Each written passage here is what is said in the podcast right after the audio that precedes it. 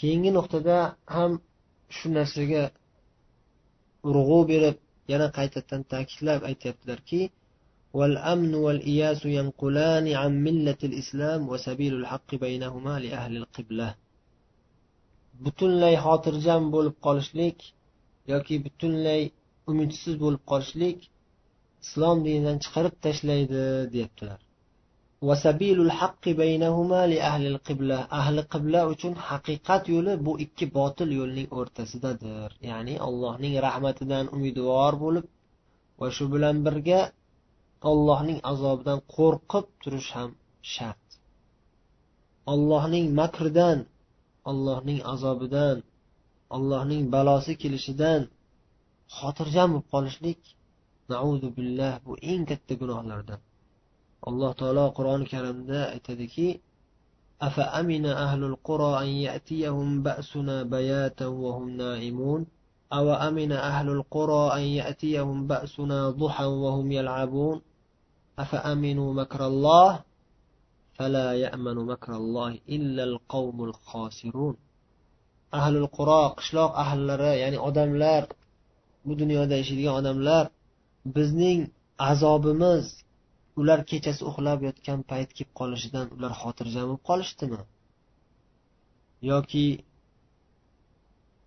ular kunduzi o'ynab kulib yurgan paytlari to'satdan azobimiz kelib qolishidan xotirjam bo'lib qolishdimi? Afa aminu makralloh allohning makridan xotirjam bo'lib qolishdimi ular?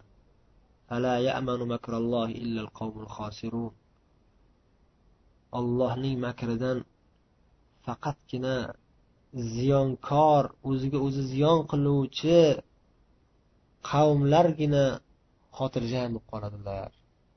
Ya'ni allohning makri kelib qolishidan xotirjam bo'lib hech narsa qilmaydi deb yuraveradiganlar o'ziga o'zi ziyon qiladigan adashgan kofir kimsalar faqat. Endi bu agar shunday deb e'tiqod qilsa ya'ni mana hozir ilmoniylar munofiqlar nima deydi? Zilzilalar tabiiy narsa yoki to'fonlar yoki boshqa allohning balolari bu tabiiy narsalar bu o'zidan o'zi tabiatdan bo'ladi bu narsalar. Gunoh masiyatlarga aloqasi yo'q deydi. Zilzila bo'lsa allohning balosidan bo'lishi mumkin bu desa e deb masxara qiladi sizni. Toshqin suv toshqinlar bo'lib sunamilar bo'lib yuz minglab odamlarni suv bosib ketsa ollohni balosi bo'lishi mumkin ollohni uqubati bo'lishi mumkin. Qancha qancha jinoyatlar qancha qancha fisq fujurlar bo'layotgan joylar cho'kib ketdi desangiz sizni masxara qiladi ular. Mana shunaqa odamlar kofir bo'lib qoladi. Ya'ni allohning azobi kelishidan allohning makri allohning istidroji ya'ni tavba qilmasdan yuraveradigan g'aflatda yuraveradigan kufru zalolatda yuraveradigan odamlarga ollohni balosi kelib qolishi mumkin degan xavfu xatardan o'zini xotirjam tutadigan odamlar biz shu dunyoda shunday yashayveramiz bu zilzilalar bu tabiatan tasodifan bo'ladigan narsalar gunoh masiyatlarimizga aloqasi yo'q deb allohning azobidan xotirjam yuradiganlar ya'ni allohni azobiga ishonmaydiganlar bular kofir.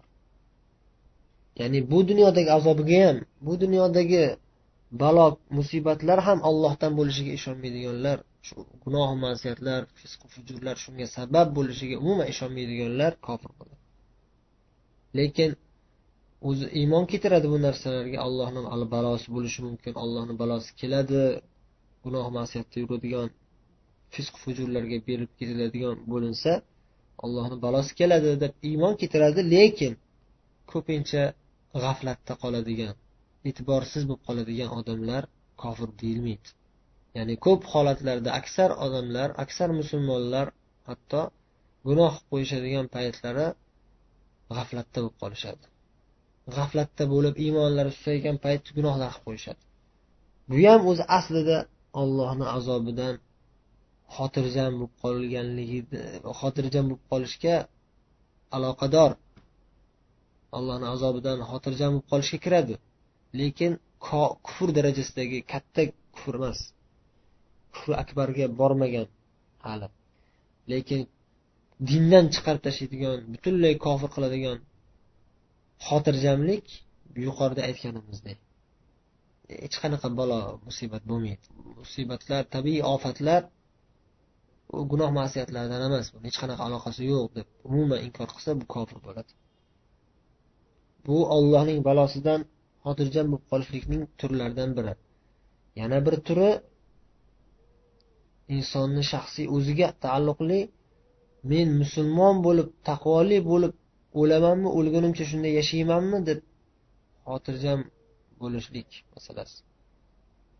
Ya'ni inson xotirjam bo'lib qolmaslik kerakki man musulmonmanku man.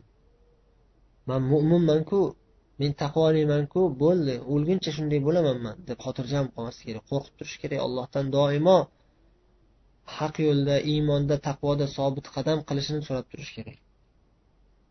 Allohga iltijo qilib va adashib ketib qolishdan susayib ketib qolishdan taqvosi yo'qolib ketib qolishidan asta sekin gunoh masiyatlarga cho'kib ketib qolishdan qo'rqib tez tez tavba qilib turish kerak. Çünki Allah təala innalloha yuhibbut tawwabin va yuhibbul mutatahhirin dedi. Albatta alloh taolo ko'pdan ko'p tavba qiluvchilarni doim o'zlarini poklab turib tahorat qilib turuvchilarni ya'ni o'zlarini ma'naviy najosatlardan gunohlardan ham va hissiy najosatlardan ham o'zlarini poklab tozalab turadigan poklanib turadigan zotlarni Alloh yaxshi ko'radi dedi. Mana shunday bo'lishimiz kerak. Xotirjam yuraverishlik bu munofiqlik alomati. Billah hasan al basriy aytganlaridek munofiq bo'lib qolishdan qo'rqishligini ahamiyatini bayon qilib ma aminahu illa munafiq vala xofahu illa mu'min. U munofiqlikdan faqat munofiqlar xotirjam bo'lib qoladi. E biz munofiq emasmiz deb munofiq bo'lib qolishlikdan faqatgina mo'minlar qo'rqadi. Haqiqiy mo'minlar doim munofiq bo'lib qolmasmikinman? deb qo'rqib turishadi. Bu ham ollohning makridan xotirjam bo'lib qolmaslikka da'vat. Ya'ni ollohning makridan xotirjam bo'lmasligimiz kerak deganda mana shu narsalar kiradi. Afa aminu makralloh? Allohning makridan xotirjam bo'lib qoldilarmi? Ollohning makridan faqatgina ziyonkor qavmlargina xotirjam qoladilar degan oyati karima mana shu narsalarni ham o'z ichiga oladi. Ya'ni shunday bo'lishimiz kerakki allohning makridan doimo qo'rqib turishimiz kerak xotirjam bo'lib qolmasligimiz kerak.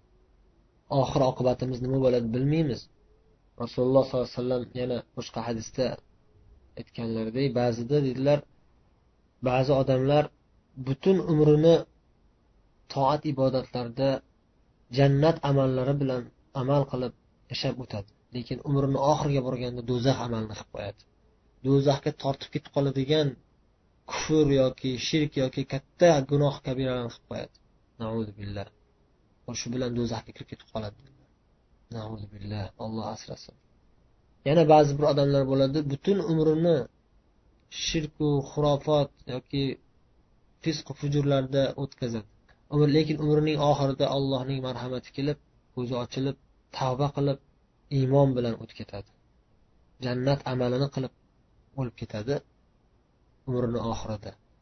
Shu bilan jannatga kirib ketadi. Ba'zida shunday bo'ladi dedilar. Ba'zi odamlar shunday bo'ladi. Shuning uchun biz doim ehtiyot bo'lib turishimiz kerak. Allohning makridan xotirjam bo'lib qolmasligimiz kerak. Val iyas umidsizlik.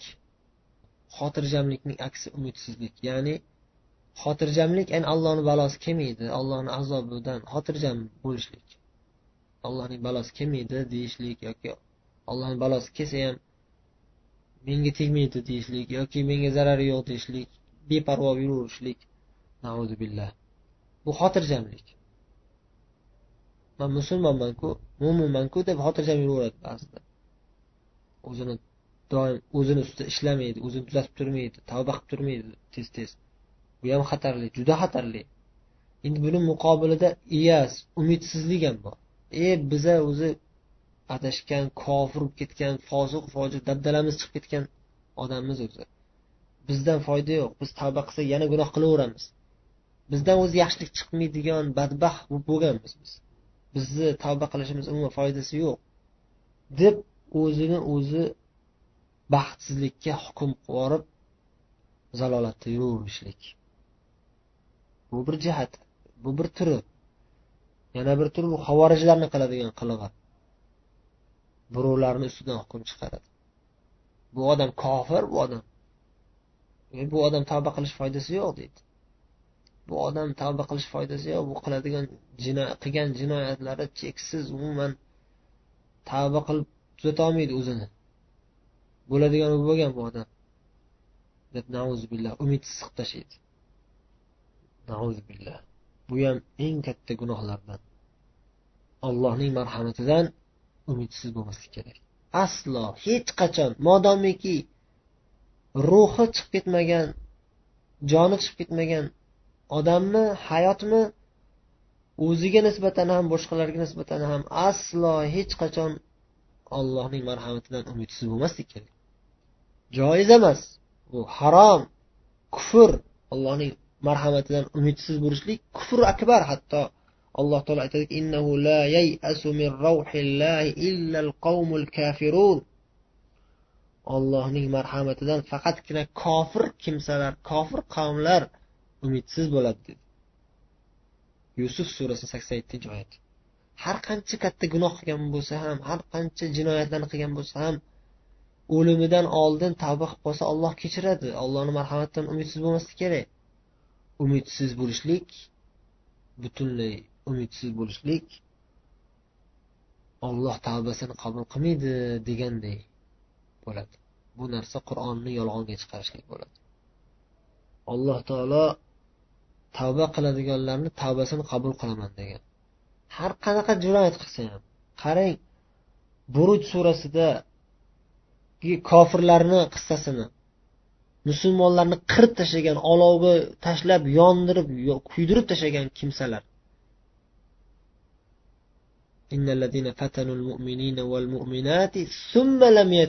Dedi. Mo'minlarni va mo'mina ayollarni qiynab azoblaganlar va so'ngra tavba qilmaganlar dedi. Lahum azabu jahannam va lahum azabul hariq. Ularga jahannam azobi ularga jahannam o'ti olovi bo'ladi dedi. Shart qilib aytdi ya'ni so'ngra tavba qilmaganlar dedi. Tavba qilmasdan o'lib ketsa ya'ni shunchalik katta jinoyat butun xalq musulmon xalqni tag tugidan qirib tashlagan u badbaxtlar ashobil uhdud. Uhdud ashoblari. Tavba qilmasdan o'lib ketgan u kimsalar. Lekin olloh aytyaptiki tavba qilmasdan o'tib ketsa deb. O'shanda azob bo'ladi ularga deyapti ya'ni tavba qilishsa ularga azob bo'lmaydi dedi. Har qanchalik katta jinoyatlarni qilgan bo'lsa ham har qancha ko'p jinoyatlarni qilgan bo'lsa ham hatto millionlab odamlarni o'ldirib yuborgan bo'lsa ham tavba qilsa olloh kechiradi. Lekin tavba qilmaydida ular ko'pincha. Bu ham ollohni adolatidan allohu alam. Aksar holatlarda aksar aksar holatlarda bunaqa jinoyatlarni qilgan odamlar tavba qilmaydida. Lekin olloh rahmli zot tavba qilsa kechiradi. Faqat sharti shuki ruhi halqumiga yetib bormasdan oldin tavba qilish kerak. Fir'avnga o'xshab joni chiqayotgan payt tavba qilsa foydasi bo'lmaydi. Ertaroq tavba qilish kerak. Ertaroq tavba qilish uchun ertaroq tayyorgarlik ko'rish kerak. Ammo lekin zulmu tug'yonda davom etaverib umrini oxiriga borgan tavba qilaman desa e, tavba qilolmay qoladi unda. Tavba qilaman desa ham qilolmay qoladigan darajadagi borib qoladi. Orqaga qaytolmaydigan tepaga qaytib chiqolmaydigan balchiqlarga jarliqlarga tushib ketgan bo'ladi. Olloh asrasin. Ammo lekin yuqorida aytganimizdek modomiki tirik odam ekan hayot odam ekan biz uni umidsiz qilmaymiz. Tavba qilgin deb chaqiraveramiz. Tavbaga da'vat qilaveramiz. Shoyat qalbi ochilib qolsa.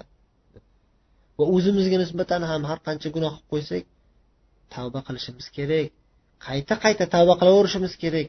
Allohni marhamatidan umidsiz bo'lmasligimiz kerak aslo.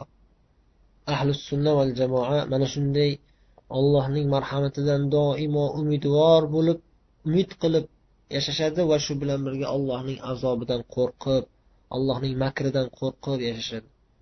Ba'zi bir salaf solihlar aytgan aytishganlaridek umid vor bo'lishlik bilan qo'rqib turishlik xuddiki qushning ikki qanotiga o'xshaydi. Musulmon odamning ikki qanoti xuddiki.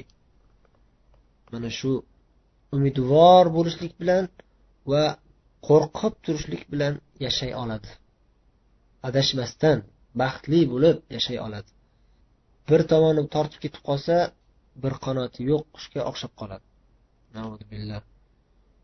Insonni doimo solih amallarga xoh qalbiy amallar bo'lsin xoh zohiriy amallar bo'lsin solih amallarga chorlab da'vat qilib chaqirib turadigan uchta narsa uchta rukn bor. Haqiqiy mo'min bo'lishi uchun inson doimo solih amallar qilib yurishi uchun qalbiy solih amallar til bilan bajariladigan solih amallar zohiriy solih amallar hamma solih amallar barcha iymon bo'laklari mana shularni amalga oshirish uchun shularni bajarib yurish uchun shular bilan yashash uchun insonga uchta poydevor kerak. Birinchi poydevor eng katta poydevor eng katta amal al mahabba allohni yaxshi ko'rish. Allohni chin qalbidan yaxshi ko'rgan odam olloh yaxshi ko'rgan barcha amallarni yaxshi ko'radi barcha amallarga solih amallarga yaxshi alloh yaxshi ko'rgan amallarga doim intiladi. Haqiqiy muhabbat mana shunday. Ollohni chin qalbidan yaxshi ko'rgan odam olloh yaxshi ko'rgan barcha amallarga intiladi. Olloh yomon ko'rgan barcha yomon amallardan uzoq bo'ladi. Olloh yomon ko'radi. Men shu ish qilib qo'ysam ollohni yaxshi ko'rgan bo'lmayman olloh yomon ko'rgan odam bo'lib qolaman bu birinchisi. Ikkinchisi umidvor bo'lishlik. Ya'ni qaysi bir amalni qilsangiz o'shani orqasidan bir narsani umid qilishingiz kerak. Qanaqa bir solih amal qilsangiz shu amalga ollohdan savob umid qilasiz. Ollohdan mukofot umid qilasiz. Ollohdan marhamatlarini umid qilasiz shu amalni natijasida. Olloh buyurgan amalmi? Olloh da'vat qilgan qiziqtirgan amalmi? Demak olloh bekorga qiziqtirmagan bu narsaga. Buni orqasida buyuk savoblari bor buyuk marhamatlari bor. O'shaning uchun qiziqtirgan o'shaning uchun siz amal qilasiz. Umidvor bo'lib amal qilasiz. Va umidvorlik demak sizni mana shu amallarga chorlaydi shu amallarga chaqiradi. Umidvorlik demak mana shu amallarning poydevori. Solih amallarning poydevori umidvorlik bo'ladi ya'ni. Ollohdan savoblarni jannatni umid qilganligingiz uchun ham o'shalarni so'rab ham shu solih amallarni qilasiz. Olloh buyurgan olloh qiziqtirgan solih amallarni bajarasiz. Uchinchi poydevor ollohdan qo'rqib turishlik. Nima uchun ollohdan qo'rqamiz? Alloh taolo juda ham buyuk zot. Olloh agar kimniki azoblasa eng dahshat azob bilan azoblaydi. Ollohni balosi kelsa juda ham dahshat bo'ladi. Qattiq qo'rqamiz. Alloh taolo bekordan bekorga azoblamaydi. Shuni bilishimiz kerak. Shuni bilsak nima uchun olloh azoblaydi? O'sha olloh allohning azobiga sabab bo'ladigan narsalardan qo'rqib turamiz. O'sha narsadan uzoq bo'lib yuramiz. Demak solih amallarni tark qilishlik allohning azobiga sabab bo'lganligi uchun solih amallarni tark qilmasdan bajaramiz. Yomon amallar gunoh amallar allohning g'azabiga sabab bo'lganligi uchun ollohning azobiga sabab bo'lganligi uchun ana shu yomon amallardan gunoh amallardan o'zimizni uzoq tutamiz va o'sha amallarga tushib qolishdan qo'rqamiz. Mabodo gunoh ish qilib qo'ysak mabodo bir harom ishga tushib qolsak ham ollohdan qo'rqib tez tavba qilamiz. Gunoh ishlarni oldida biz uchta holatdamiz. Birinchisi o'sha gunoh ish qilib qo'yishdan oldingi holatimiz ko'zimizni ochishimiz kerak. Bu gunoh ish ehtiyot bo'lishimiz kerak olloh yomon ko'radi. Qo'rqishimiz kerak bunga yaqinlashmasligimiz kerak uzoqlashimiz o'shaning uchun alloh taolo yajtanibuna deb aytadi. Gunohdan uzoq yuradilar deb o'zlarini uzoq tutadilar deydi gunoh ish qilmaydilar emas faqat gunoh ishga umuman yaqinlashmaydilar mo'minlar haqiqiy mo'minlar ollohdan qo'rqadigan mo'minlar demak bu birinchi holat. Ikkinchi holat iymonimiz susayib qolib gunohga tushib qolsak gunoh qilayotgan holatimiz bo'lib qolsa tezda qutulishimiz kerak. Bu balchiqdan bu botqoqdan tezda chiqishimiz kerak. Ko'zimizni tez ochishimiz kerak kecha emas hali. Hayotmisiz tirikmisiz gunoh ish qilayotgan bo'lsangiz ham tezroq ko'zingizni ochib tavba qilib tez qutuling tez o'zingizni olib qoching tez o'zizni olib chiqishga harakat qiling bu balchiqdan tavba qilib. Tavba qilsangiz olloh tezda o'zi olib chiqadi bu balchiqdan. Olloh tez qutqaradi. Tavba qilsangiz allohga iltijo qilsangiz olloh o'zi tezda qutqaradi inshaalloh. Alloh rahmli zot. Olloh aytib qo'yganidek man atani yamshi ataytu harvalata menga sekin yurib kelsa man unga tez yugurib kelaman. Mendan bir qarich yaqinlashsa men undan bir ziro yaqinlashaman dedi. Ya'ni sizdan ozgina harakat bo'lsa alloh taolo ko'pgina marhamat bo'ladi. O'shanga aytyapmiz gunohga tushib qolib qanday qutulaman endi bu gunohdan? deb turib bo'ladigan ish bu bo'ldi balchiqqa botib bo'ldim deb yuravermaslik kerak. Nauzu billah. Siz allohga bir og'iz yolvoring. Ey olloh deng olloh o'zi qutqaradi. Faqat tavba qiling. Chin qalbingizdan tavba qiling. Alloh hamma narsaga qodir zot va alloh rahmli zot. Demak bu ikkinchi holat.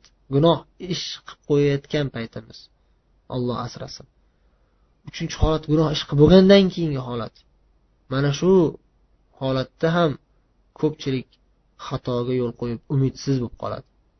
Mana shu umidsizlik ham ehtiyot bo'lish kerak. Eng katta gunoh eng katta xatarli ishlardan. Ey man bo'ldi endi bu gunohlarni qilib qo'ydim. Endi man tavba qilsam gunohim kechirilmaydi endi. Deb umidsiz bo'lishlik. Naudu billah unday emas. O'lib qolishingizdan oldin tezroq tavba qiling. Har qancha gunohlarni qilib qo'ygan bo'lsangiz ham qayta qayta qilib qo'ygan bo'lsangiz ham tezda tavba qiling. Allohga yalvoring chin qalbingizdan allohga iltijo qiling. Qanday holatda bo'lsangiz ham qayerda bo'lsangiz ham shart emas. Masjidga borib tahorat qilib keyin tavba qilishim mumkin yo'q hozir tavba qiling keyin qolgani ham amalga oshaveradi davomiy tezda tavba qiling. Darhol xuddiki bir cho'kib ketayotgan odamni oldingizda turibdi bir odam cho'kib ketyapti qutqarishingiz kerak. O'zingizni o'zingiz qutqarishingiz kerak hozir cho'kib ketyapsiz. Qo'lingizda shu narsa qo'lingizdan keladi qutqarish. Boshqa boshqa mayda chuyda narsalarga chalg'imasdan birinchi qiladigan ish shu bo'lishi kerak tez tavba qilish kerak demak mana shu uchinchi poydevor mana shu uchta poydevorni orasida yashaydi mo'min musulmon odam. Shu poydevorga binoan barcha amallarini solih amallarini quradi. Bino qiladi. Va shunga binoan inshaalloh jannatda qasrlar quriladi unga. Jannatda buyuk ne'matlar buyuk hurul inlar buyuk lazzatlar. Jannatga yetib olishimiz kerak faqat biz. O'shaning uchun bu dunyoda charchaymiz. Jiddiy jahd bilan harakat qilamiz. Allohga bo'lgan muhabbatimiz bizni chorlaydi barcha solih amallarga. Va allohga bo'lgan muhabbatimiz bizni barcha yomon amallardan uzoq bo'lishimizga chaqiradi tortadi alloh taoloning muhabbati solih amallarga taqvoga tortadi. Va allohning savobu mukofotlarini jannatdagi buyuk ne'matlarini umid qilishimiz bizni solih amallarga chaqiradi tortadi. Va allohning azobidan allohning makridan qo'rqishimiz yomon amallardan gunoh amallardan o'zimizni uzoq tutib o'shalardan qo'rqib yashashga undaydi. Haqiqiy mo'min odamlarga bu narsalar qiyin emas. Biz hozirgi darsimizdan ba'zi bir odamlar eshitib islom dini qiyin ekan deb o'ylashi mumkin. Aslo unday emas. Islom dini juda ham yengil din juda ham allohning marhamati keng bo'lgan din. Biz yuqorida aytdik har qancha gunoh qilgan bo'lsa ham tavba qilsa alloh tavbasini qabul qiladi gunohlarni yuvib tashlaydi dedik. Aslo umidsiz bo'lmaslik kerak ya'ni aslo islom dinini qiyin din deb o'ylamaslik kerak. Islom dini eng buyuk va eng yengil din. Inna dina yusrun deganlar rasululloh sollallohu alayhi vasallam. Bu din juda ham yengil din. Lekin kimga? Chin qalbidan ollohni yaxshi ko'rib chin qalbi bilan xolisona zohiridagi amallari bilan ham harakat qilib haqiqatni izlab qidirgan odamga yengil. Va rasululloh sollallohu alayhi vasallam hadislarida aytganlaridek dinni halovatini islom dinini halovatini iymonni halovatini topishimiz uchun mazza qilib yashashimiz uchun haqiqiy baxt bilan yashashimiz uchun olloh va rasuli barcha narsadan bizga eng suyukli narsa bo'lishi kerak. Olloh va rasuli deganda biz butun dunyodagi narsalarni chetga qo'yib qo'yadigan darajada yaxshi ko'rishimiz kerak. Va shunday bo'lgan odam iymonni halovatini topadi va buni sezganlar sezadi. Allohni marhamati yog'ilgan odamlar sezadilar. Tarixda bunday ajdodlarimiz juda ham ko'pdan ko'p bo'lishgan va har zamonda bo'ladi inshaalloh bu. Iymonning halovatini topib maza qilib yashaydiganlar qadimdan bo'lib kelgan va har zamonda bo'ladi va bu narsa uchun ozgina insondan jiddiy jahd harakat xolis niyatlik kerak alloh taolo barcha barchalarimizga iymonni halovatini nasib qilsin سبحانك اللهم وبحمدك نشهد أن لا إله إلا أنت نستغفرك ونتوب إليك والسلام عليكم ورحمة الله وبركاته